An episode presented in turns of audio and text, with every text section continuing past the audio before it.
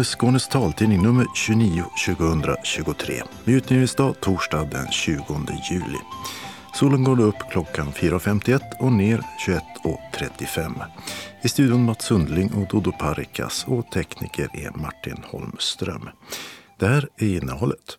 Förvaltningsrätten gav henne rätt men synskadade Siv Johansson i Malmö är ändå orolig för att förlora sin ledsagning. Säsongsbästa längdhopp, men ändå en stor besvikelse.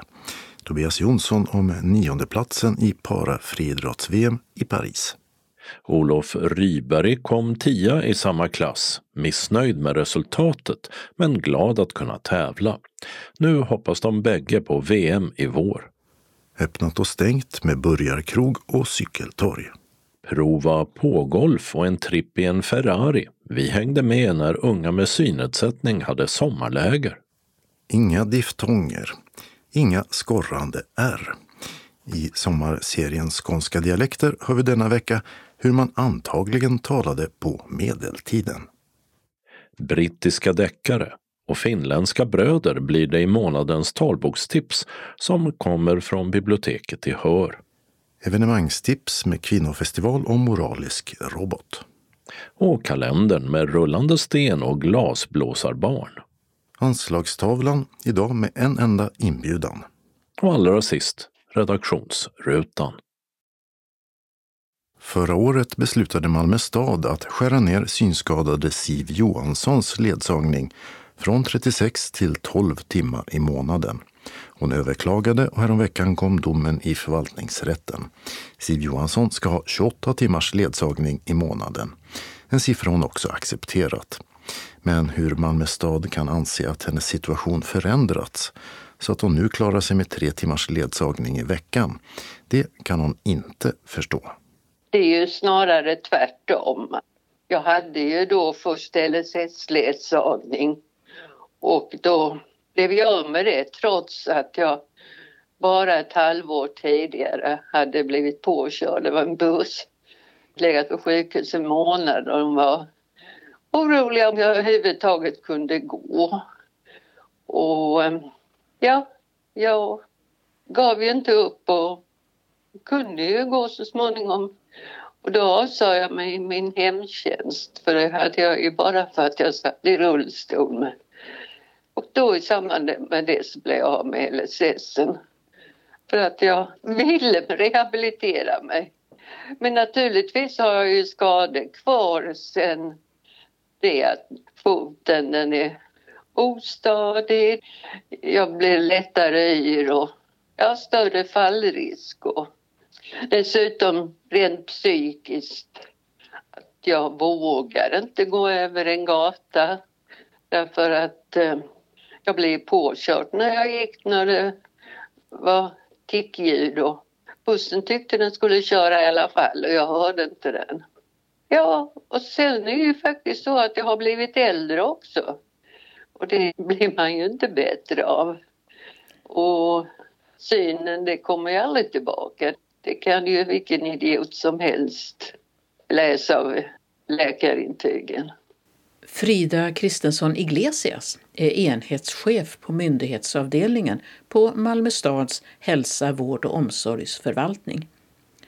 Hon vill inte diskutera ett enskilt fall men säger att kommunen alltid gör en individuell bedömning utifrån situation och behov och att man också erbjuder andra stöd än ledsagning för att bryta en enskilds sociala isolering så görs det alltid en helhetsbedömning av vilket behov den personen har just då och vilket annat stöd som går att få eller som personen faktiskt har för att man då ska få rätt stöd. Så att det skulle bli en ny bedömning efter eh, att man har haft någonting under ett visst antal år så är det ofta att situationen ser annorlunda ut eller att det finns annat stöd att få som är mer rätt för de behoven helt enkelt. Ja, vilka andra sätt, vilka andra stöd finns det att få då?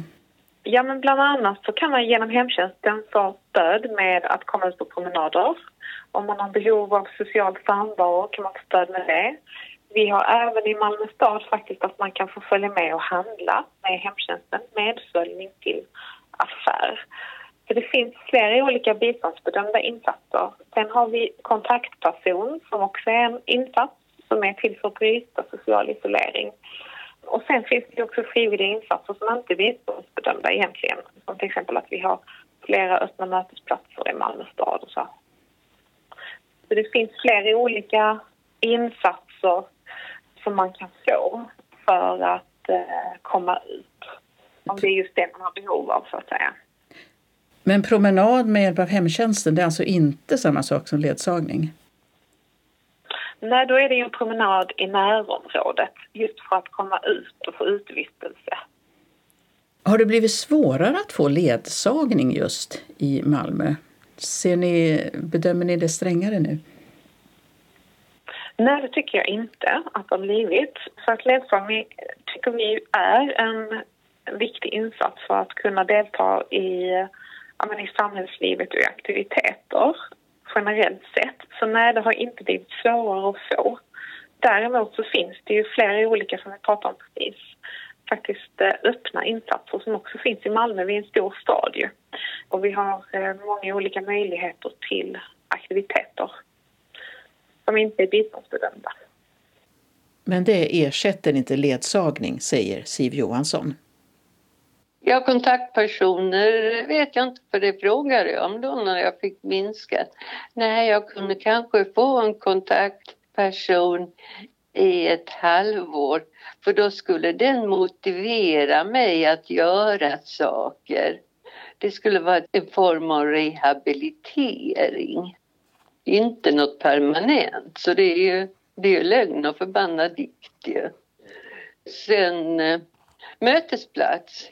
Ja, det kommer ju ibland en skrift om det här mötesplats. Men inte är den tillgänglig. Nej, nej.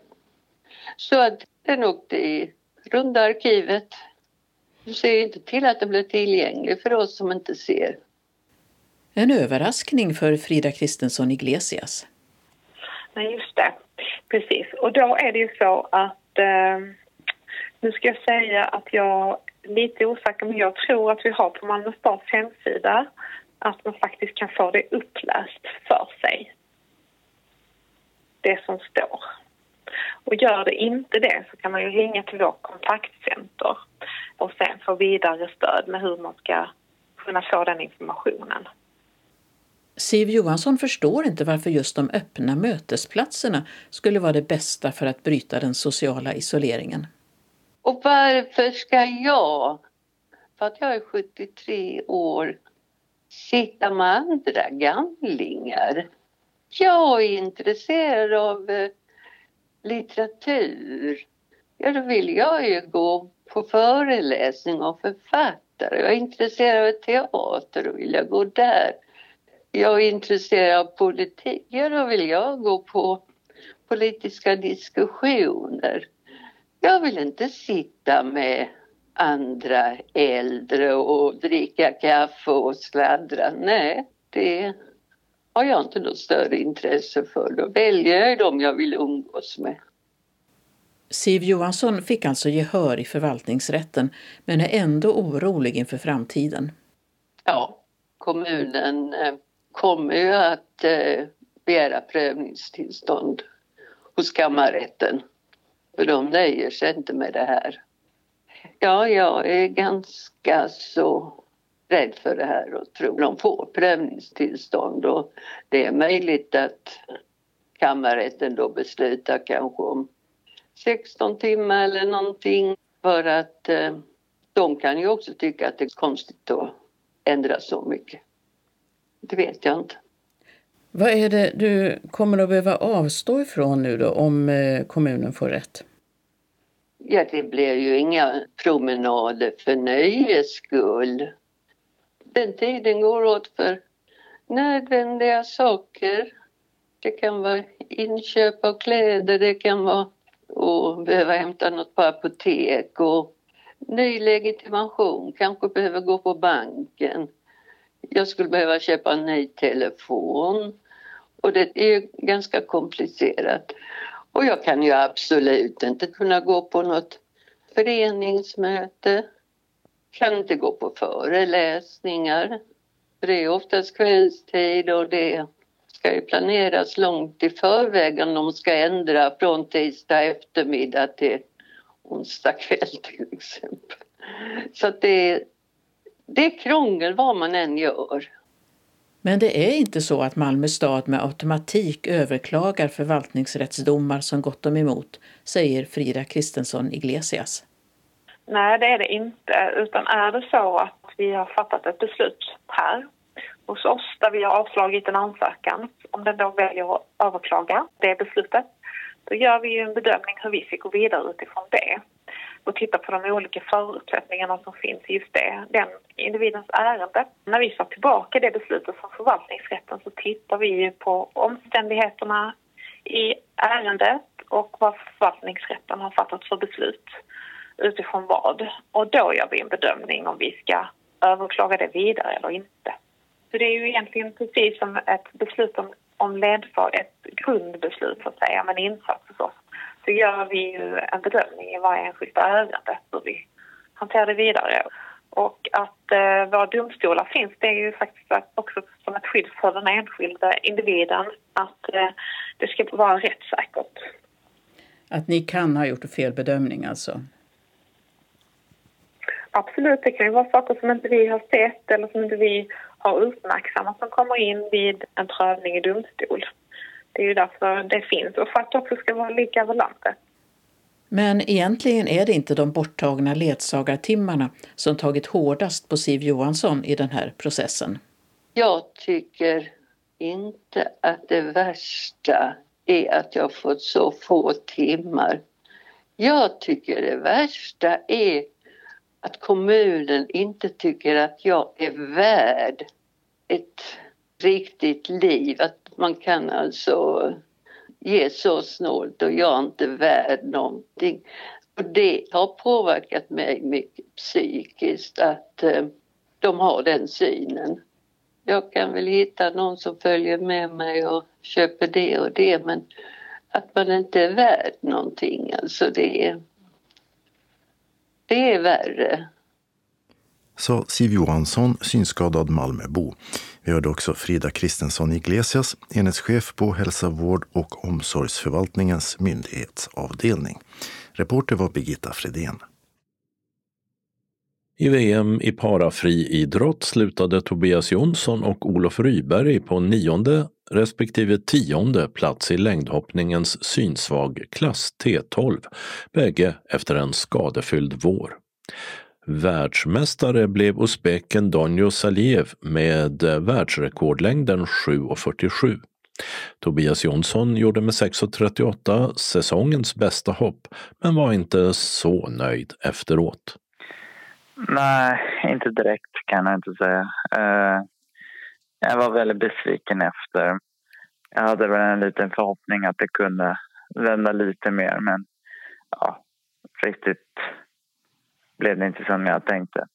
Men eh, ja, det är som det är. Nionde plats av 12. Placeringen är kanske inget att skriva hem om. Hoppningen, du hoppade 6.21, 6.38 och sen 4.09. Vad säger du om den serien? Ja, sista hoppet där, eh, där sprang jag rakt igenom. Fick inte riktigt ansatsen att stämma. Jag fick lite motvind så det blev lite trögt på något sätt. Det blev ett avbrutet hopp. Ja, teoretiskt kändes det ju väldigt bra om man jämför med andra tävlingar i somras. Då. Jag sprang väldigt bra och så, men just de sista metrarna är inte riktigt... Det, det känns så tajt, så blir det så här trippande, då blir jag avvaktande och då tappar jag fart och då tappar man längd istället för att driva på mer. Och just den känslan har jag väl inte känt någonting i början på sommaren. Så det är lite en sån här chock i det. Om man ska ta något positivt var väl att jag sprang för en gångs skull bra. Men eh, annars, nej. Alltså, det var ingen jättebra om man säger så. Du berättade i förra veckan att du hade haft skadeproblem, baksida lår, som hade ställt till det under våren här. Hur mycket av det märktes? Just nu känns det väl ingenting efter jag vågat ta i, men man märker väl att man har tappat många timmar träning med sprinten. Då. Och sen också att jag har fått släppa på styrkan en del för att det gjorde ont i baklåret. Då. Och sen kan det ju finnas en psykologisk grej kanske, att man är lite vaksam, att man inte vill slita upp något igen. Då. Jag visste att det gjorde ganska ont. Det blir bara nästan bekvämt, det blir ingen elastisk löpning eller att trycka av det framåt. Det blir bara frekvent och trycket går för mycket uppåt istället för framåt. 6.38 som längst. Det blev säsongsbästa i alla fall. Det brukar vara bäst när det gäller på mästerskapen. Ja. Men en bra bit till 7.11 och bronslängden. Och 7.47 världsrekordlängden Saliev som tog hem VM-guldet. Resten av säsongen här nu då? Vad väntar du? Ja, man är ganska besviken av vad som skedde då i VM. Men på något sätt känns det som att jag kan ta i nu mer. Jag har inte ont. Jag kan blicka lite mer framåt. Och, så nu om två veckor är det senior-SM i Söderhamn. Så det ska bli kul faktiskt. Men resultatmässigt och så, just nu vet jag inte. Så för mig är det väl att bara försöka bygga upp kroppen igen. Och bli mig själv om man säger så. Och så finns det ett nytt VM då ganska snart nästa år på våren där. Precis, då vet jag ju vad som krävs och ja, får vi se om det är lika bra pallplatser. Jag har nog aldrig varit med om att det varit så bra. Det var nog tidernas bästa pall faktiskt. Så det är kul att tiden utvecklas, att det krävs väldigt långa längder. Det vet jag själv vad det krävs av mig själv. Och jag känner väl att jag var på väg uppåt då, tills jag fick baklårsproblemet. Då. Men eh, det är som det är. Man brukar också säga att idrotten är fantastisk ibland, men den kan vara fruktansvärd också. men eh, som jag tränar och diskuterar, farten börjar komma tillbaka. Det är mer tajmingen och orka stå emot och med trycket framåt så kommer det nog bli bra. Det är bara att jag måste ge mig mer tid på mig. Sa Tobias Jonsson från Bollnäs, Sveriges bästa friidrottare med en synnedsättning. Reporter var Mats Sundling. I VM i parafriidrott kom 23-årige Olof Ryberg på placeringen efter Tobias Jonsson, alltså tionde plats i samma längdhoppsklass. 6.17 mätte hans längsta hopp och känslorna efteråt är delade. Det är otroligt tudelat. Eh, det är ett VM och man åker alltid dit med målet att prestera så bra som möjligt eh, både längdmässigt och placeringsmässigt. Och där befann jag mig inte överhuvudtaget. Jag var ganska långt ifrån eh, de resultat som jag både vet att jag har kapacitet till men också som jag har eh, mål att eh, nå. Sen så... Just det, det som gör det tudelat är att jag har haft en ganska idrottsmässig tuff vår och inledning på sommaren. Det, det, var lite frågetecken kring om jag skulle delta ehm, och att jag ändå gör det och att jag lyckas gå ut på stadion och ha roligt. Det var nästan mer värt än de faktiska längderna. Kul, trots missnöje med längderna då? Verkligen. Mm. Du hoppade en serie som var tre hopp, 6, 17, 5, 99 och 6 och 14. Ganska jämnt får man väl säga. Och säsongsbästa. Ja, om man ska vara positiv så är det absolut så. Mm. Men nästan en meter från pallplats. Mer än, ja, jo, det är absolut. Det är, alltså vi har sett en riktigt bra nivåhöjning. Delvis har vi ett världsrekordshopp i den här tävlingen. Men vi ser också att det krävs mer och mer för topp tre för varje VM som går. Och just nu hänger jag inte riktigt med i den utvecklingen. Men jag är fortfarande... Jag, jag har fortfarande framtiden framför mig. Ja, vad gör du nu? Det är SM om två veckor till exempel. stämmer bra. Vi har SM där uppe i Söderhamn. Sen ytterligare tre helger efter det så är det Nordiska mästerskapen i eh, Oslo. Så det är de två eh, stora punkterna som är kvar den här säsongen. Och ett VM ovanligt kort in på nästa vår. Verkligen. Det kommer bli en eh, väldigt mästerskapstät och tunga mästerskapstät sommar nästa år då vi har eh, VM i japanska Kobe i maj och sen så har vi då det stora hägrande Paralympics i Paris i augusti-september. där. Nu blev det väl inga kvotpoäng till Sverige. Hur ser vägen dit ut nu? Det är ett halvknöligt system med kvotplatser och kvalgränser etc. Men det som är det stora nu, alltså chansen vi har kvar, eh, om jag ska prata med Tobias, då är det ju VM i Kobe. Så vi måste placera oss eh, högt där för att eh, rendera platser till Sverige. Och givet hur konkurrensen har blivit bättre så måste ni också bli det då. Definitivt. För Tobbe gäller det väl mycket att hitta tillbaka till gamla längder och för mig eh, gäller det att eh, ploga ny mark så att säga. Sa Olof Ryberg från Göteborg som också spelar goalball i det svenska herrlandslaget. Reporter var Mats Sundling. Öppnat och stängt. I Eslöv har hamburgerkedjan Shady Burgers stängt sin restaurang på Stora torg 13. Restaurangerna i Landskrona och Lund finns kvar. I Malmö byggs Kronprinsens köpcentrum och har varit rätt tom på butiker under en längre tid. Men till hösten är nytt på gång. Häromveckan öppnade ett cykeltorg där kunder kan parkera. Sveriges första, säger de. Och i måndags öppnade smörgåskedjan Subway en ny restaurang. I Skivarp har Mossby jordgubbsodling och den populära självplockningen stängt efter 60 år. Och i Kristianstad har godiskedjebutiken Candys öppnat på Kanalgatan 50 bredvid Willys. I förra veckan samlades US Syd, unga med synnedsättnings eh, sydligaste distrikt, för ett veckolångt sommarläger. Vi hängde med ut till Kvarnby Golfklubb där man skulle åka sportbil och prova på golf. Men först spel med tennisbollar för att komma igång. Oj! Den var lång. Bra jobbat. Var väldigt lång. Var det för långt? Det var lite för långt ja. Ligger i buskarna. Det var för bra jobbat. Ja, här på Kvarnby Golfklubb spelar unga med synnedsättning tennisgolf.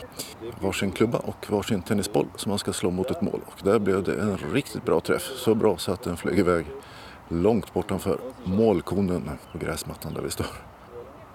Fyra nya golfspelare som slår sina första svingar. Så ja. Snyggt. Nu är du en och en halv meter ifrån. Det här var ett ganska perfekt slag. Super. Anledningen till att man använder tennisbollar det är för att de är lite större och lite lättare att få träff på än de mindre golfbollarna som man vanligen använder. Hej, vad heter ni? Jag heter Eva. Kadria. Hur går det? Det går bra. Det tycker jag också. Ja. Jag har fått till riktigt bra träffar och lagt bollarna nära också. Ja. Ja. Har ni spelat golf förut? Minigolf när vi var små bara. Okej. Ja, precis jag också. Jag trodde det var minigolf. Det här är lite annorlunda då. Ja, lite större format. Svårare. ja. Jag tror att det är er tur faktiskt. Ja. Då kör vi. Är det jag eller? Ja precis, det är din tur. Okej. Och här är den bollen. Och ser du konen? Nej. Nej. Målet är att bollen ska stanna inom denna. Inom den? Okej. Ja, och då är vi klara. Så jag hjälper dig att sätta klubban bakom bollen. Där. Och så ska vi två meter fram så det är inte alls långt. Mm. Bra. Där ja! Oh! Där ja! Hur många slag var det? Tre eller fyra? Ja. Super. Är det jag? Hamnar bollen innanför den gula ringen med en kon i mitten. Ja, puttningen gick ju jättebra där. Ja. Eh, sommarläger med unga med synnedsättning i Malmö med omnejd. Hur har det varit hittills? Det har varit jättekul faktiskt. Vi har gjort massa aktiviteter hittills. Vi åkte go-kart. Ja, just det. Vi åkte go-kart. Vi fick köra, eller så satt vi med någon. Jag körde själv. Vissa körde själv och vissa eh, åkte med någon ledsagare. Hur gick det då? Jo, det var jättekul. Ja. Och så har vi ätit och haft det roligt på hotellet. Pratat. Träffa andra är en del av grejen.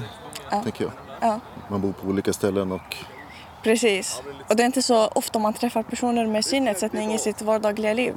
Så det spännande att prata om hur man upplever olika grejer. okej. Vad är det ni pratar om på kvällen? Det är ju uppfattningar och upplevelser. Alltså jag menar även om din omgivning förstår, så här, försöker förstå men de lever ju inte i det.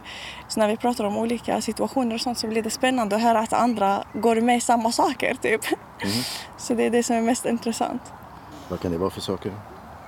Till exempel plugget, att det är lite svårare för oss att plugga på universitet och sånt. Eh, Vi tipsar varandra, att hitta jobb, allt sånt. Eller vardagliga liv. Kul aktiviteter på dagarna och bra snack på Ja, kvällen. precis. precis så brukar det vara. Det är jättekul. Förflyttat oss till den så kallade driving rangen där man får stå på en liten matta och slå bollar med en järnklubba. Och ska lära sig att träffa de små vita bollarna. Den flög rätt bra va? Wow! Den flög iväg en 75 meter du. Oj! Spikrakt mot målet. Vad heter du? Ella Frick. Har du spelat golf förut? Nej det har jag inte gjort. Så det är första gången. Ja det gick lite sämre. Du skjuter helt rakt.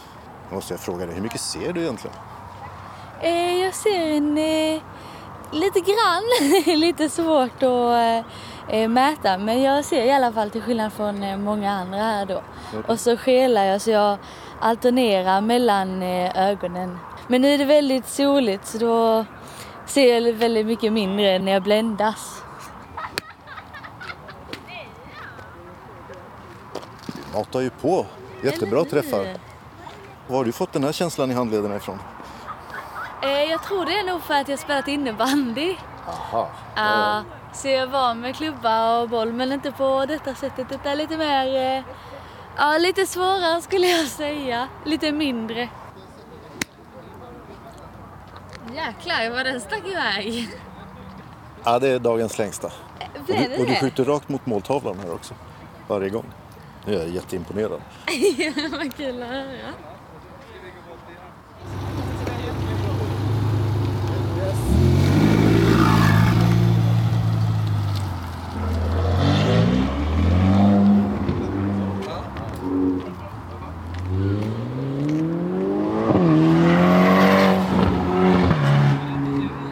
Det där var ljudet av en Ferrari, en sportbil av det vassare slaget.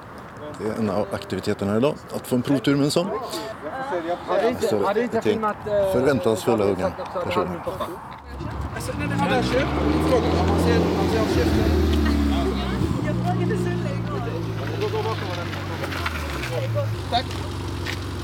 Joris, nu har du precis klivit ur den vita Ferrarin som kör iväg med en ny passagerare här. Eh, hur var det? Det var häftigt, det var jättecool. Alltså, eh, känslan när vinden blåser, hårarna huller om buller. och, eh, visst, man ser inte, men man känner ju det ljud som man hör, det som man känner med huden, det ger en speciell känsla. Det var jättecool i alla fall. Jättecool. Ja, en av lägrets yngsta deltagare, Amanda, heter du. Ja. Nio år. Ja, hur var det att åka en Ferrari? Det var kul, jag har aldrig gjort det förut så det var spännande att testa på det. Det var inte alls lika ryckigt som en eh, berg så det var en mycket skönare känsla än en berg Du är på sommarläger första gången gissar jag. Ja, det är det. Vad tycker du har varit roligast hittills så här halvvägs? Det har varit väldigt kul att eh, träffa kompisar och ha det kul i eh, konferensrummet på kvällen. Okej. Vad gör ni där då? Vi, eh, ja, vi äter snacks, vi pratar och så går vi ibland upp och busknackar på dörrar och sånt. Så det är jättekul. Eh, Och bredvid Amanda står Amandas mamma. Vad heter du? Ja, hej, jag heter Jenny Ludvigsson. Hur kommer det sig att ni valde att åka hit? Eh, Amanda har en kompis som heter Tuva Li som eh, rekommenderade oss att följa med. Så vi fick tips av henne helt enkelt. Ja, vad tycker mamma så här långt? Ehm, jag tycker det är helt fantastiskt. Ehm, det är en jättefin grupp ehm, ungdomar och barn som hittar på massa roliga saker tillsammans. Ja, det är väl en del man inte sådär gör till vardags kanske. Exakt, precis. Så nej, men vi är väldigt, jag är väldigt imponerad och jättekul att, att umgås. eh, Alltså både lite yngre barn och sen även vuxna för det är upp till 30 år. Eh, Så jätteroligt och eh, också kul för Amanda att träffa andra som också är blinda eller har synnedsättning och lära känna folk som bor på olika orter, olika åldrar och sådär. Och Tuva Li har vi bredvid här. En tjej som också är nio år. Du åkte just sportbil också. Ja. Hur var det? Det var eh, kul. Eh, Jag kände att eh, jag äntligen skulle få testa. Och ja, det var faktiskt kul. Hur kändes det då att åka? Det kändes jättebra och ja, det kändes säkert. Jag satt säkert i bilen. Mm. Hur fort gick det då? Jättefort. Eller, eh, jag vet inte vilken hastighet den körde i, men eh, ja, men det gick fort i alla fall. Mm. Vad tycker du har varit bäst så här långt? Eh, att vi fick bo på hotell och vi fick äta och vi, alltså, vi fick välja restaurang igår och eh, att vi har fått prova på så roliga aktiviteter. Ja, vilken var roligast hittills då? Mm, Ferrari.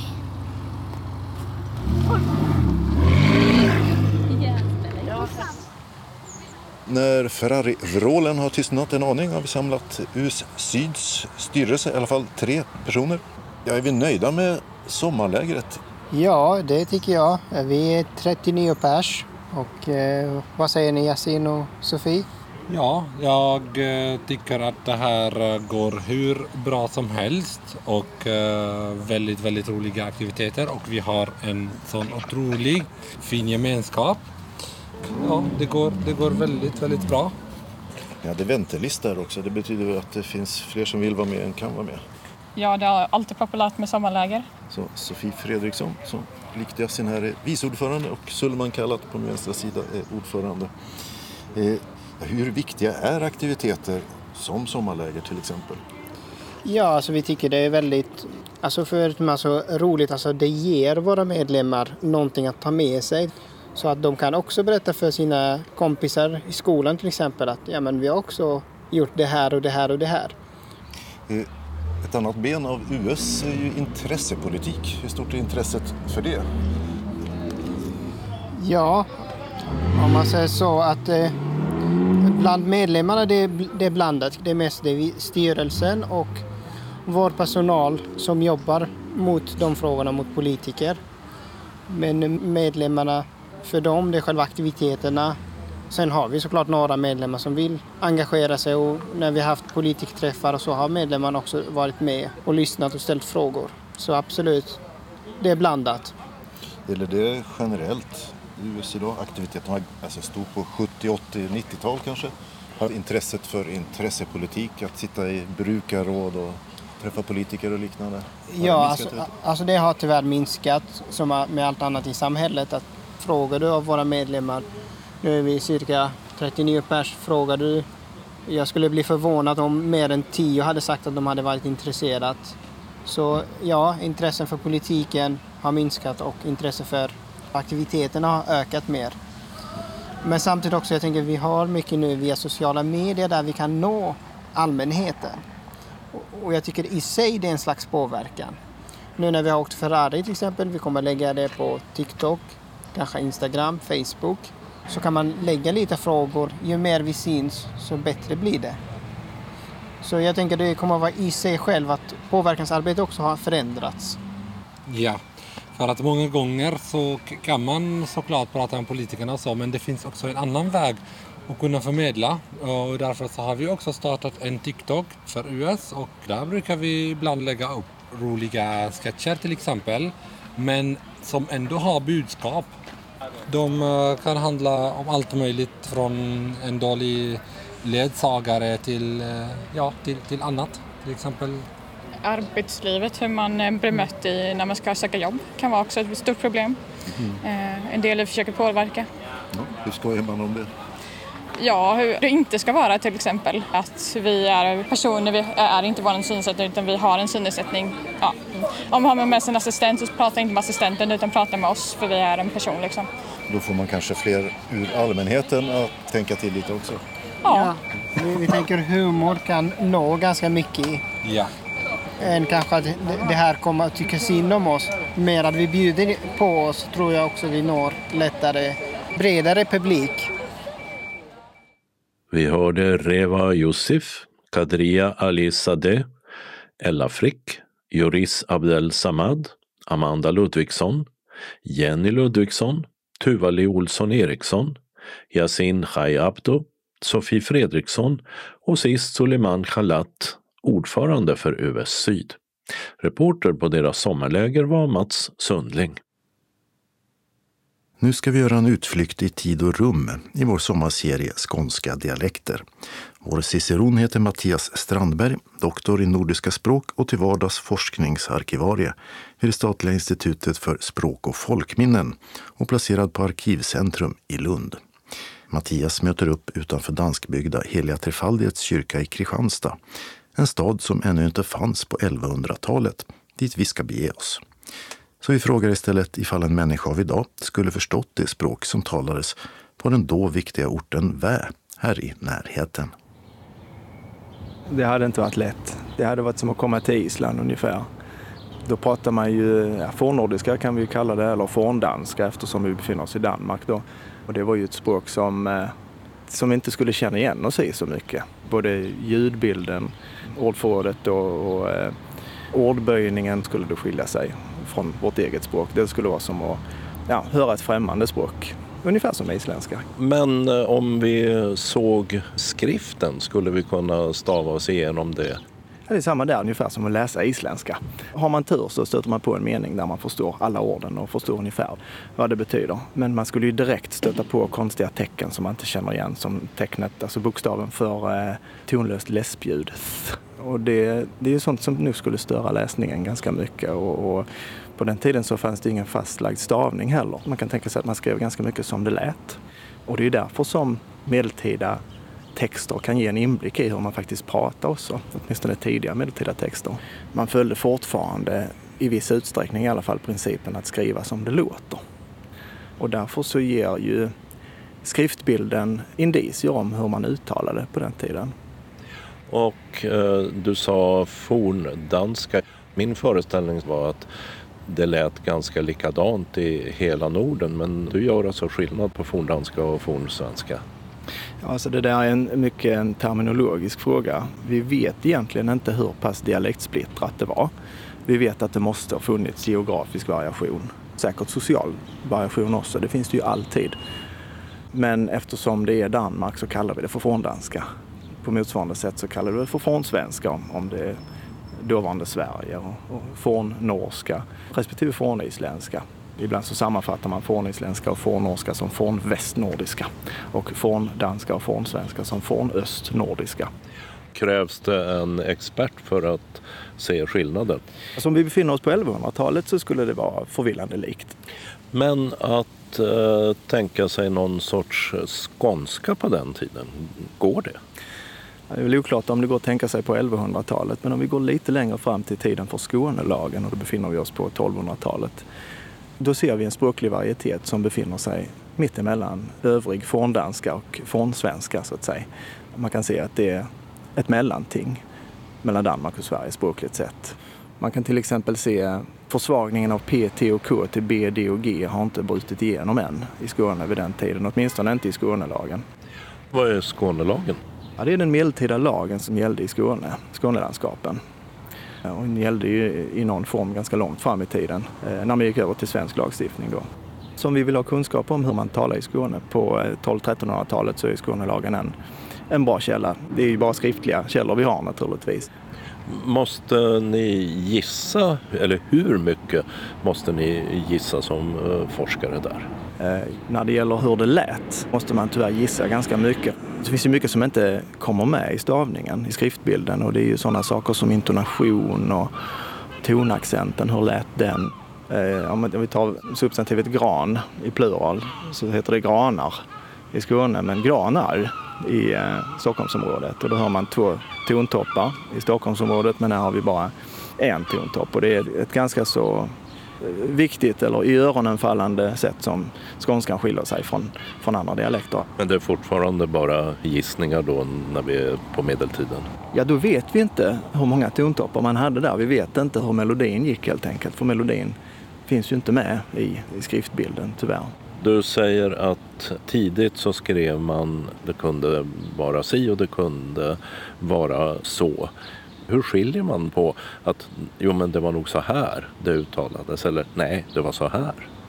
Man kan ju ta ett exempel. Vi vet att eh, någon gång under medeltiden så gick långt A över till Å. Så att någon gång har lång hetat langer och sen gick det över till longer eller lång. Och när stavningen börjar vackla mellan det gamla A och ett O, för detta var innan man uppfann O, bokstaven O, då är det ju ett tydligt tecken på att någonting har hänt med uttalet. Då.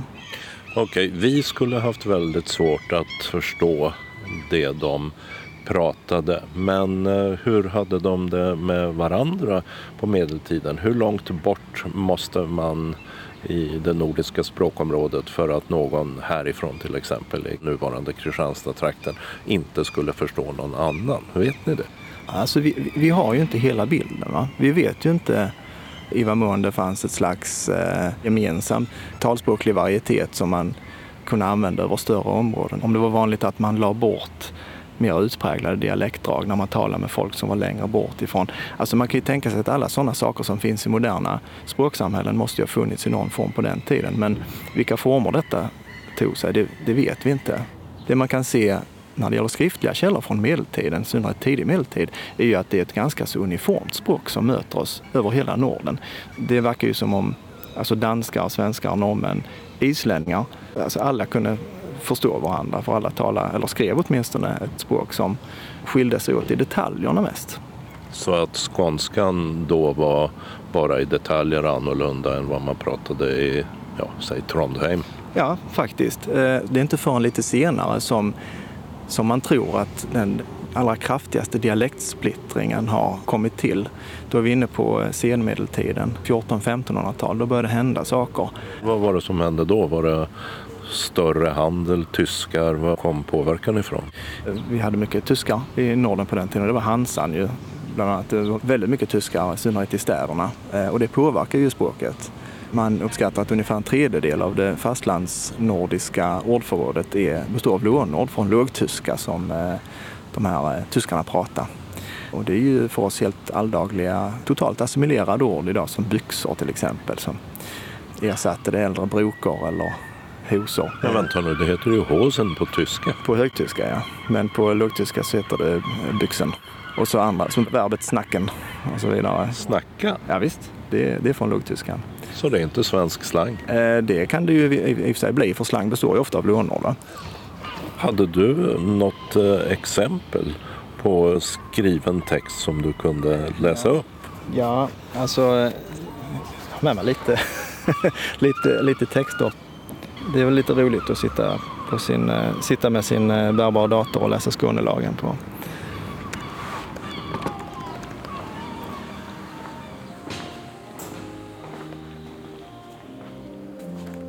Men vi tar och flyr måsskränet in till Heliga Trefaldighets kyrka byggd på 1600-talet av stadens grundare, den danske kungen Kristian IV. Men vår historia, den är kvar i medeltiden. Och då befinner vi oss någonstans i slutet på 1200-talet, omkring år 1300. Och eh, vi vet ju inte exakt hur detta har låtit. En del får vi en väldigt god bild av genom att titta på skriftbilden. Och det här är precis som du säger, det ser lite isländskt ut med de här ljuden. Precis, och det är ju den här bokstaven som heter thorn på isländska. Det, ja, den används i, i moderna isländska fortfarande. Men sådana saker som melodi, det får vi ju gissa oss till och jag har valt att gissa att man på den tiden hade tvåtoppig tonaccent även i Skåne. Jag tror att den är ålderdomlig. Barn om föt och arder. Það skal þetta hafa Guð fadur och Guð móður att kirkju och fa sin kristendom av präste. En varð þetta sva sjúkt att ett ma ej till kirkju komma och far så sin kristendom av andra manne eller av kunu. för standard ett arv så som det vare kristnet att kirkju, en far det ej kristendom för startet ej arv för att höge man må ej arve eh, om ett barn blir fött då ska det ha gudfar och gudmor vid kyrkan och få sin kristendom av präst. Eh, präste, jämför man ur huse och så vidare. Men blir det så sjukt att det inte kan komma till kyrkan men ändå får sin kristendom av en annan man eller av kvinna, då är det berättigat till sitt arv. Precis som om det vore kristnat vid kyrkan, alltså döpt. Men får det inte kristendom, alltså om det inte tas upp i församlingen, om det inte blir döpt, då är det inte berättigat till arv eftersom en heden man inte får ärva. Hårda bud. Ja, det var generellt sett ganska hårda bud på den tiden tror jag. I mina öron låter det som en lite lättfattligare, lite tydligare isländska än den jag hörde på gatorna i Reykjavik. Men det kan ju hända att det var bara för att jag nu kunde läsa texten samtidigt som du läste upp den. Alltså det har kanske att göra lite med att eh, jag pratar ju inte 1200-talsdanska som modersmål och då får man gå lite långsammare fram. Den isländska man hör på Island det är ju, talas ju av förstaspråkstalare i regel och eh, eh, det kan gå ganska snabbt. Eh, vi började prata om det där ute, men när kan man säga att det började verkligen bli en eh, skånsk skånska som skilde sig från fornnordiska? Det är väldigt svårt att, eh, att dra en gräns någonstans för det sker ju undan för undan och, och språken i Norden de utvecklas genom århundradena och de följs ju åt ganska mycket. Men det är klart att ju längre fram i tiden man kommer desto större skillnader blir det. Eh, men saken kompliceras av att man allt eftersom medeltiden lider så blir man också mindre benägen att eh, skriva som det låter. Man börjar närma sig ett modernt sätt att se på skriftspråket med en fastlagd stavning. Betyder det att ni får gissa mer om hur det lät längre fram i tiden än eh, till exempel då det här du läste upp nyss? Ja, det betyder det faktiskt. Därför att vi vet att det är mycket som händer under medeltiden med språket. Och vi har, vi har kanske en relativ kronologi, men vi har ingen absolut kronologi, och det är ganska svårt att etablera. Så att vi vet inte exakt eh, när det har skett. Så att det är därför som det är så att när, när man ställs inför en eh, 14-1500-talstext så då befinner man sig eh, på lite djupare vatten helt enkelt. Det är svårare att veta exakt hur det har låtit. Vilket århundrade för du oss till nu? Jo, det här är då en eh, dansk översättning av eh, texten Själens tröst. Den finns på fornsvenska också. Det är den, den fornsvenska texten som eh, har utgjort förlaga till denna. Så det är en översättning från fornsvenska till forndanska. 1425. Och då har vi kommit en bit fram i tiden och det är lite problematiskt just det här att det är en översättning från fornsvenska för att då är det möjligt att att översättaren har fått med sig lite ditt och datt från, från svenskan. Men då har alltså språken börjat dela på sig så mycket att det måste kallas en översättning? Ja, precis. Då har man fått någon slags känsla för att eh, svenska och danska inte är riktigt samma sak. Men eh, det verkar ju vara en skåning som har eh, gjort den här översättningen. Hur ser du det? Jo, dels finns det tydliga danska drag som att K har blivit G i ett ord som böger alltså plural av bok, alltså liber. Å andra sidan så ser vi bevarade A i slutet av ord, studera. Det här, det här att det, vi har A bevarat det är ju ett eh, skånskt drag. Översättning till skånsk forndanska på 1400-talet. Och om du läser upp en bit? Ja, nu har vi kommit så pass långt fram i tiden så man får gissa sig till lite vad som har hänt med melodin, intonationen och sådär. Det händer mycket med vokalerna på, på medeltiden. Eh, Fentiv Sanctus Hieronymus var unger. Så plägade han att läsa och studera hedna mannaböger. Han var sjuger och han var förder som honom fötte för Guds dom. Domaren talade till honom och sagde, att man är du? Han svarade, Jag är en kristin man. Domaren sagde, Du ljuger, du är ingen kristin man. Ja, men det handlar ju om eh, Jeronimus När han var ung så plägade han att läsa och studera hedniska böcker.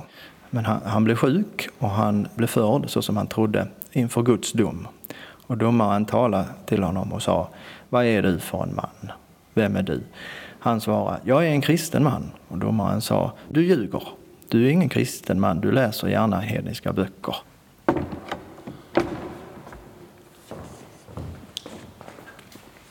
Vi tar och förflyttar oss till övergången mellan svensk och dansk tid. Ett stort epitafium från 1661 på kyrkväggen. En minnestavla över en högreståndsfamilj. Förgyllda träsniderier omger ett porträtt med man och hustru, svartklädda och omgivna av elva barn i olika åldrar. Och så en text. Det här är ett slags blandspråk. Just där runt Eh, nationalitetsskiftet så kunde det dröja sig kvar ganska mycket danska drag i skriftspråket. Det ser vi i, i många källor. Och här har vi till exempel eh, dette epitafium med e istället för detta. Så det är ju ett danskt drag som eh, dröjer sig kvar. Kirken till prydno. Så det är verkligen blandspråk. Till prydno hette det inte på, på danska. Och man skrev fortfarande lavesen. Så småningom så gick man över till att skriva son. Och eh, här ser du, det är min tröst med ett danskt ö. Och städlig tro, eller? Ja, någonting sånt där, men eh, så har de väl inte uttalat det här. Så att då sa man kanske, det är min tröst och stadelig tro att Kristus, min kära broder, skall give mig det eviga liv och ro.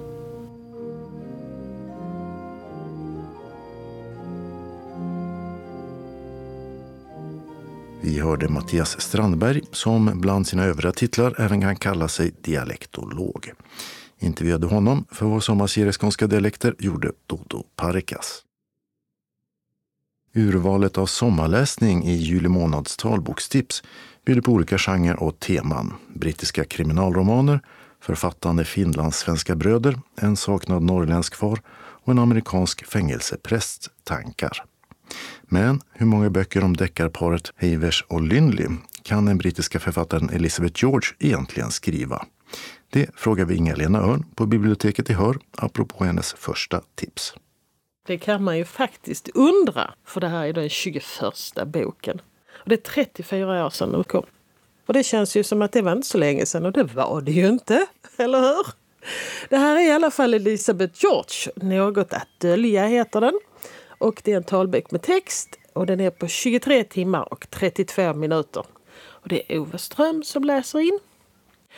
Och den här berättelsen den pågår under sex veckor, mitt i sommaren och det är varmt. Det är en av de här värmebesvären som har dykt upp de senaste åren för att uttrycka det milt. Men det är riktigt varmt.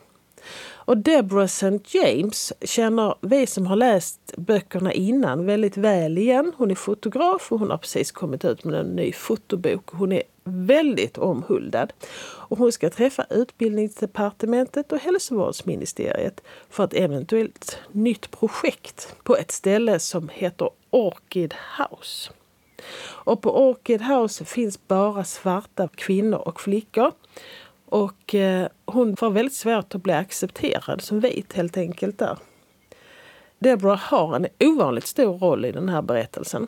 Och sen träffar vi familjen Bankole med pappan som är en enväldig patriark och kräver att hela familjen ska lyda honom. Han har ett litet slakteri och 18-åriga sonen jobbar där när han inte går i yrkesskola. Och pappan har väldigt exakta planer för sonens framtid och sonen vill inte. Och han hade försvunnit därifrån om det inte hade varit för hans lilla syster som är åtta år. Och han vet ju vad pappan har för planer för henne. Så att hans enda mål är att försöka rädda henne. Och den här familjen har också en central roll i berättelsen. Och sen är det överintendent Mark Finney som är en icke-engagerad polis, mestadels kanske beroende på att eh, han har ett svårt handikappat barn som han och hans fru lägger all sin tid på. Och sen är det Adaku Ubaika som står och eh, spanar utanför en anonym klinik som utför illegala operationer. Och hon är iklädd traditionella afrikanska kläder. Och hon har också en stor roll i berättelsen. Och då, de här fyra historierna får man följa rätt så länge och man förstår inte riktigt var berättandet är på väg någonstans. Men ta det bara lugnt.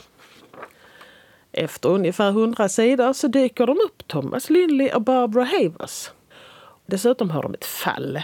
Det är en polisinspektör, Theodora Bontempi. Hon har dött på sjukhuset och obduktionen visar att det är ett mord. Och hon hade jobbat med en grupp med inriktning mot övergrepp på kvinnor. Och speciellt kvinnlig könsstympning. Och sen så rullar hela historien igång. Och jag är imponerad faktiskt ändå av Elizabeth George. För hon hittar nya historier och hon hittar nya vinklingar. Hon hamnar liksom inte fast i samma mall som innan. Alla hennes böcker handlar om någonting nytt egentligen. Och den här känns väldigt aktuell. Temat är nytt eller berättelsen men är Lindley och Havers nya på något sätt? Alltså Visst, på ett sätt är de som vanligt, men hon har ju moderniserat dem ändå. Det är ju svårt med den här klassklyftan idag. Det är ju trots allt då många år sedan, sedan den första boken kom ut. Men visst känner vi igen dem, det gör man ju. Och det är ju trevligt. Det är ju som att träffa gamla kompisar. Och sen går vi till Marie Lundström hon har skrivit den här boken Alla måste söderut. Det är en talbok med text. Den tar 10 timmar och 19 minuter och så finns den som punktskrift. Och det är Toja Westberg som har läst in den. Och Marie Lundström har jag lyssnat mycket på. Hon har ju Lundströms bokradio i P1. Och jag tycker att hon ofta, och faktiskt inte alltid, har så mycket vettigt att säga om texter, böcker, författare. Och därför var det ju extra kul att sätta tänderna i hennes roman. Det är hennes andra roman den här. Och just nu så är det väldigt många som skriver om saknade pappor.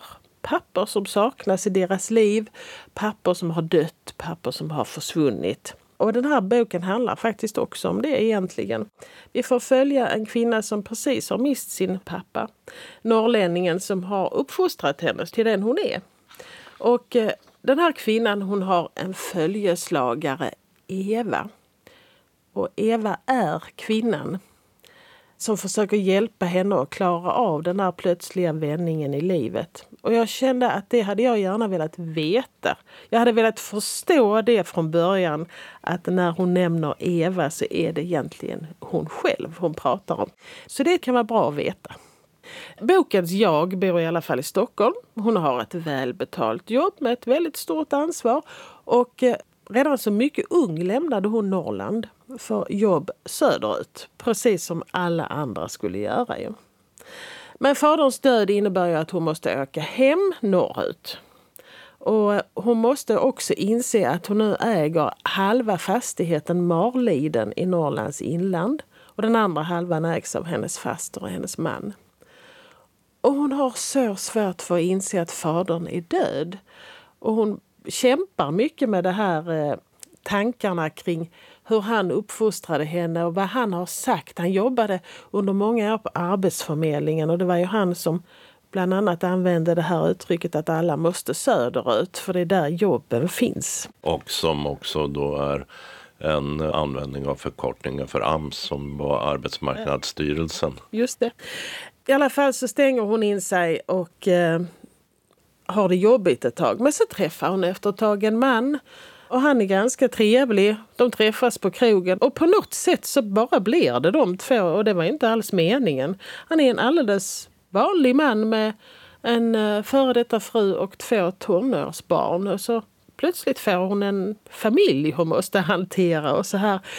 Och den här boken handlar ju faktiskt mycket om sorg och hur vi hanterar det på olika sätt. Men den handlar också mycket om att se tillbaks och göra upp med det livet vi hade tidigare. Det är väldigt mycket återblickar till livet före. Söderut helt enkelt. Väldigt välskriven och eh, mycket, mycket läsvärd. Och så byter vi tillbaks till brittiska deckare jag måste erkänna att jag tittar nästan lite maniskt på alla de här engelska deckarserierna på SVT Play. Och jag tittar gärna på dem flera avsnitt i stöten så här. Och en av de senaste jag tittade på det var de här Karen Perry, Kalla fall heter den. Och jag tyckte den var jättebra den här tv-serien och jag efter ett tag så tänkte jag att men den här historien känner jag egentligen igen. Så att när jag hade tittat färdigt på serien så fick jag ju kolla upp det och det visade ju sig att det är ju Val McDermid som har skrivit den här boken och den har jag läst. Den kom ut 2004 så det är ganska länge sedan jag läste den men ändå. Och då kollade jag snabbt om det fanns fler såna här Karen Peary-böcker jag inte hade läst av Val McDermid och det gjorde det. Döden vittnar har jag läst bland annat och den finns som talbok. 13 timmar och 13 minuter och det är Maria Samuelsson som har läst in den. Och Karen Beery hon är en ovanlig, ung, bestämd kriminalkommissarie som har lite svårt med gränssättning mot sina överordnade. Och så har hon en yngre assistent, de är faktiskt bara två i den här konstellationen med Kalla fall. Och han, är, han lär sig efterhand helt enkelt. Och i detta fallet så hittar man ett lik, ett gammalt lik. Det är det ju alltid, vilket kan vara lite skönt när man tittar och läser såna här saker. För att det är ju aldrig så blodigt. Det är länge sedan de dog om man säger så. Men de hittar i alla fall ett lik på tak i Edinburgh med ett skotthål i skallen. Och så kallas Peary in. Och så får vi följa med på en helt fantastisk resa egentligen som leder oss till Balkankriget. Och det är ju fantastiskt så fort man glömmer om vad som faktiskt hände i de här förfärliga krigen. Det finns väldigt många olika ingångar till det här kalla fallet så att säga. Och det går inte att räkna ut det förrän det faktiskt inte finns någon annan lösning man kan gissa på så att säga till slutet. Och eh, ja, riktigt, riktigt roligt att läsa även om den har några år på nacken den här boken. Och jag hoppas att det blir fler tv-serier med Karen Peary. Nu ska vi till det handlar också om död, fast på ett helt annat sätt. Det är Karina Bergfeldt som har skrivit en bok som heter En bra dag att dö. Vad 276 avrättningar lärt en fängelsepastor om livet. Och det är Pia Kristoffersson som har läst in den och det är en talbok med text på 8 timmar och 44 minuter. Och jag tycker att Karina Bergfeldt är nog den bästa USA-korrespondent som SVT har haft någon gång. Dels hade hon ju turen att vara där under Trump-perioden. Det var ju nya saker varenda dag. Han hittar ju alltid på någonting så hon syntes ju mycket i rutan. Men jag tycker ändå att hennes stora styrka var det här att hon alltid sökte sig till den lilla människan, till den normala människan och gjorde intervjuer med. Och aldrig tvekade för de riktigt besvärliga frågorna. Hon har ju en annan roll i televisionen idag. Men så kom den här boken. Och 2014 så var Bergfeldt, eh, jobbade hon med en artikelserie för Aftonbladet vad som händer den sista veckan innan man verkställer ett dödsstraff i USA. Och sen skrev hon också en bok efter detta som heter Sju dagar kvar att leva. Och i samband med den här researchen så stötte hon på den före detta fängelsepastorn Jim Brassel och han hade suttit med vid otaliga avrättningar.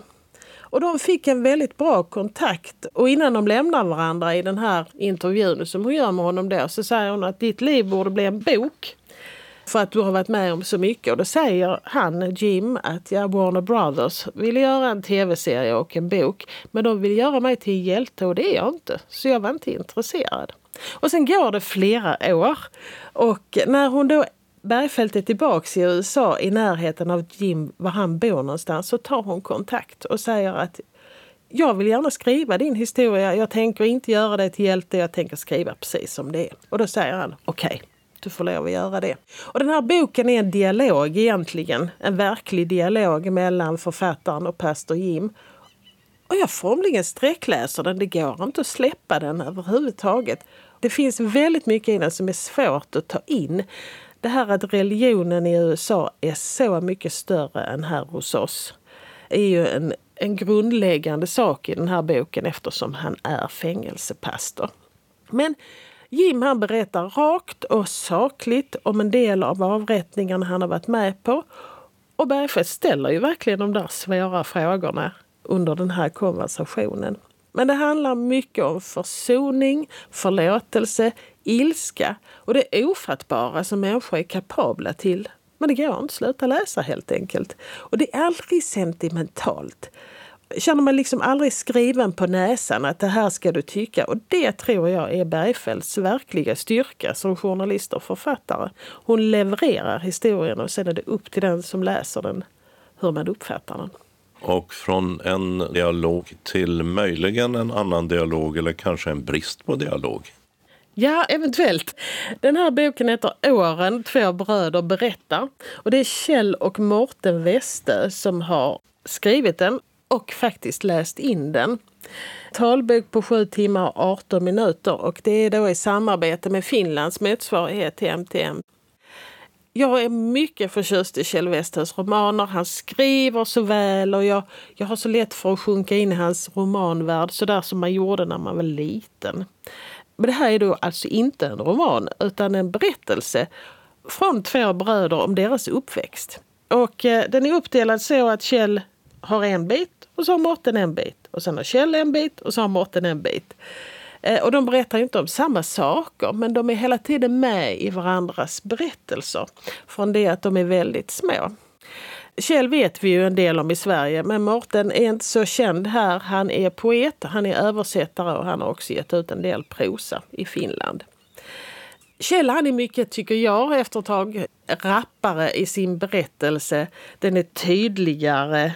Han fångar en snabbare. Mårten är mer ordrik och lite mer eftertänksam. Jag tycker mycket om den här boken och kanske är det för att de båda rör sig i min generation. Och kanske är det för att det är så välskrivet. Och din generation är? Ja, alltså födda på 60-talet skulle jag säga. Men det kan också vara för att det är så mycket musikreferenser i boken som jag tycker är roligt. Och så tycker jag så mycket om att de är bröder. De har så mycket gemensamt men ändå inte. Och jag tycker faktiskt om att det inte finns någon spänning mellan dem i berättelsen. De bara berättar helt enkelt om sitt liv och det är så befriande. Men min expertpanel då, mina underbara damer i talbokscirkeln, de tyckte att det var lite svårt att hålla reda på vem det är som skriver, även om det anges i vart stycke. Och det inser jag när jag läser den, att jag slår nog ett öga på vem det är som skriver ibland, för att det, ibland är det lite svårt. Och sen tyckte de att det var lite svårt att lyssna för att jag tror helt enkelt att det går lite fort, själva inläsningen. Men där kan man ju skruva ner hastigheten. Men jag, jag tyckte väldigt mycket om den här boken. Sa Inga-Lena Örn på biblioteket i Hör. Och böckerna hon tipsade om var Något att dölja av Elizabeth George, Alla måste söderut av Marie Lundström, Döden vittnar av Val McDermid, En bra dag att dö av Karina Bergfeldt och Åren av Kjell och Mårten Westö. Reporter var Dodo Parikas. Evenemangstips. I Hör framför den lokala musikprofilen Richard Preissner covers på progglåtar och visor 22 juli klockan 20 på Mötesplats Mittpunkten, Industrigatan 5, ingång på baksidan. Det är fri entré, men det går bra att ge en gåva till artisten. I helgen anordnas Lilla kvinnofestivalen på Kristinehovs slott i andra rum. 22 juli 11–12.30, talar Helena Halldorfsdottir om sina 13 år i tangons Buenos Aires. 14–16 blir det samtal om jämställdhet med författaren Susanna Alakoski, Mellanösternkorren Cecilia Uddén med flera. Och 23 juli 11 till 12.30 Mode för modiga stiltanter och järva gubbar. Biljetter för 120 kronor per programpunkt köps via sajten kristinehofsslott.se events. C-H-R-I-S-T-I-N-E-H-O-F-S-L-O-T-T. På Hamnplan i Simrishamn fortsätter frukostmötena. 24 juli talar filosofidoktoranden Jakob Stenseke på temat Hur bygger man moraliska robotar? 25 juli rektorn Monser El Sabini från Bergsjön i Göteborg om att förändra en skola i fritt fall. 26 juli utrikeskorren Lubna El Shanti, Sveriges Radio. 27 juli serieförläggaren Rolf Claesson. Och 28 juli avslutar Ekots utrikeschef Gina Lindberg. Pris 80 kronor per gång. Frukost ingår och serveras från 07.00. Föredragen börjar 8.30. Information telefon 0703 71 77 73. Beethovens pianosonat Appassionata samt Rachmaninoffs andra pianosonat spelas av pianisten Fabiola Jonita i Sankta Anna kyrka, Johan Baners gata 65 i Helsingborg 26 juli 19.00. Fri entré. I Landskrona är det konserter på Rådhustorget. 27 juli Rockabilly Fabulous, det vill säga Ann Björling och Frida Brunsell. 28 juli Prebens pågar. Därpå Patrik Isaksson den 3 och Myra Granberg 4 augusti. Erik Gadd kommer den 10 och Amanda Ginsburg samt Iris Bergkrantz 11 augusti. Alla konserter börjar 19.00 och är gratis. I Gladsax kyrka spelar danska Absalon String Quartet Schuberts Döden och flickan 27 juli 18.00 som en del av en kammarmusikfestival. Biletto.se säljer biljetter för 270 kronor. Den 29 juli är det kulturarvsdag lite i förväg i Eslöv och Gamlegårds hembygdsmuseum mellan 13 och 16 med besök från det lokala flyg och hemvärnsmuseet. Fika finns också. Kristianstad stadsfestival håller på 3-5 augusti. Några programpunkter. 3 augusti 18.00 Sanna Nilsen på Stora torg. Där Smens Baglomma uppträder 4 augusti 21.00. Och lördag 5 augusti 14.00 är det allsång med Kevin Lenberg på Lilla torg. I januari framfördes konserten Blue and Beyond första gången på Malmö Live och nu finns en ny chans att ta del av Johnny Mitchells texter och musik från det omtalade albumet Blue från 1971 och även senare låtar. Detta under Malmöfestivalen 15 augusti 16.15 på stora scenen Stortorget med Malmö symfoniorkester MSO, Christian Kjellvander och Sofia Karlsson. Och det är fri entré. Visfestival i Lund blir det på Kulturens restaurang helgen 18 till 19 augusti. Tjuvstart onsdag den 16 klockan 16 med barnviseallsång på Kulturens dansbana. Fredag spelar bland annat legendariske eh, singer-songwritern John Holm, danska jazzsångerskan Katrine Legart och Caroline och Harald Leander. På lördag uppträder Amanda Jensen med Trio samt Ola Aurell med flera. Dessutom blir det en vistävling. Fredag och lördag insläpp 17.20, musikstart 18. Biljetter från 360 kronor hos Ticketmaster. Biljettinformation Ticketmaster 077 170 70 70. Texter 0771 47 70 70.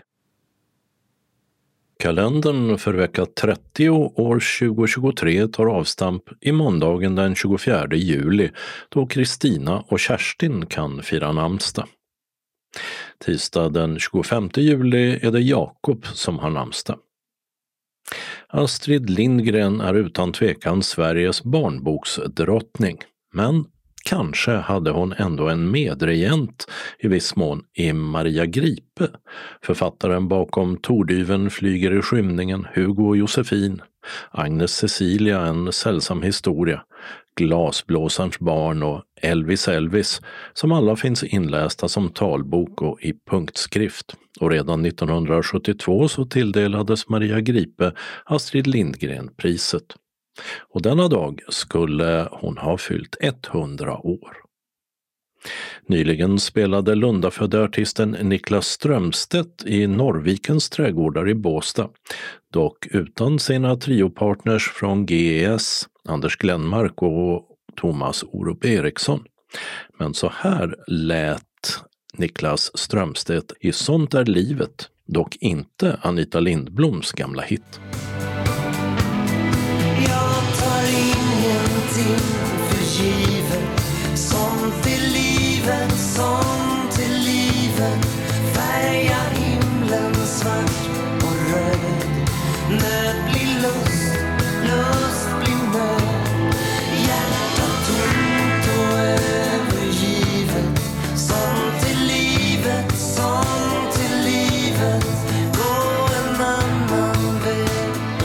Niklas Strömstedt han fyller nu 65 år. Onsdagen den 26 juli är det Jasper och Jasmin som har namnsdag. På rullande sten växer ingen mossa. Se där, ett ordspråk som lätt låter sig appliceras på den brittiska rockidolen Mick Jagger, frontfigur i The Rolling Stones, som bildades redan 1962. Och sedan 2002 är han adlad till Sir Michael Jagger. Här är han solo från välgörenhetsgalan Live Aid 1985 med låten It's Lonely at the Top.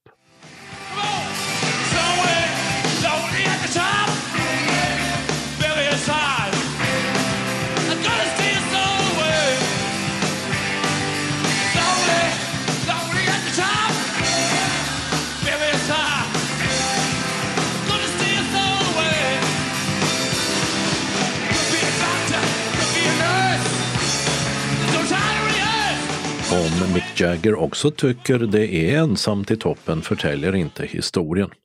Ett nytt Stones-album planeras i alla fall komma under detta år med forne Beatles-medlemmen Paul McCartney, adlad han också, som medverkande. Och nu så fyller Mick Jagger 80. 60-årsstrecket uppnås av en av 90-talets stora längdskidstjärnor, Torgny Mogren, som bland annat har fyra VM-guld och ett OS-guld att pryda hemmet med. Torsdagen den 27 juli så har Marta namnsdag och fredagen den 28 juli, Perus och Thailands nationaldag, så är det Botvids och Sevets namnsdag. Och på den svenska sportsidan startar SM i friidrott i Söderhamn uppe i Hälsingland. Lördag 29 juli är det Olle och Olof som firar namnsdag. Och söndag 30 juli är veckans sista och månadens näst sista dag då namnsdagsbarnet heter Algot. Det är också en internationell FN-dag, nämligen den mot trafficking av människor. Anslagstavlan kan idag vara rekordkort och innehåller bara ett meddelande. Det är från Synskadades förening Kristianstad-Bromölla och Östra Göinge som bjuder in sina medlemmar till en korvgrillning på 20 kull, 20 Kullsvägen 51. Onsdag den 2 augusti klockan 12 till 15.30. Caféet serverar kaffe till oss klockan 14. Vi hoppas på en solig dag där vi kan roa oss med att spela kubb och Yatzy eller bara få sitta ner och prata med varandra. Anmäl ditt deltagande senast måndag den 24 juli till Anita Svensson 044 533 09. När Anita inte kan svara, var vänlig anmäl till telefonsvararen så hör hon av sig. Glöm inte ange telefonnummer. Anmälan kan också göras på e-post anitasvensson 109 gmail.com. Ange eventuell matallergi. Varmt välkomna hälsar styrelsen. Och det var hela Skånes taltidning för den här gången. Ett nytt nummer kommer nästa torsdag den 27 juli. Skånes taltidning ges ut av Region Skånes psykiatri och habiliteringsförvaltning. Ansvarig utgivare är Martin Holmström. Postadress Jörgen Ankersgatan 12, 211 45 Malmö. Telefon 040-673 0970. E-post Skanes taltidning snabela skane.se och hemsida skanestaltidning.se. Observera att CD-skivorna inte ska skickas tillbaka till oss. Såväl skivor som kuvert kan läggas i brännbara sopor när ni inte längre vill ha dem. Vi hörs igen. Hej då!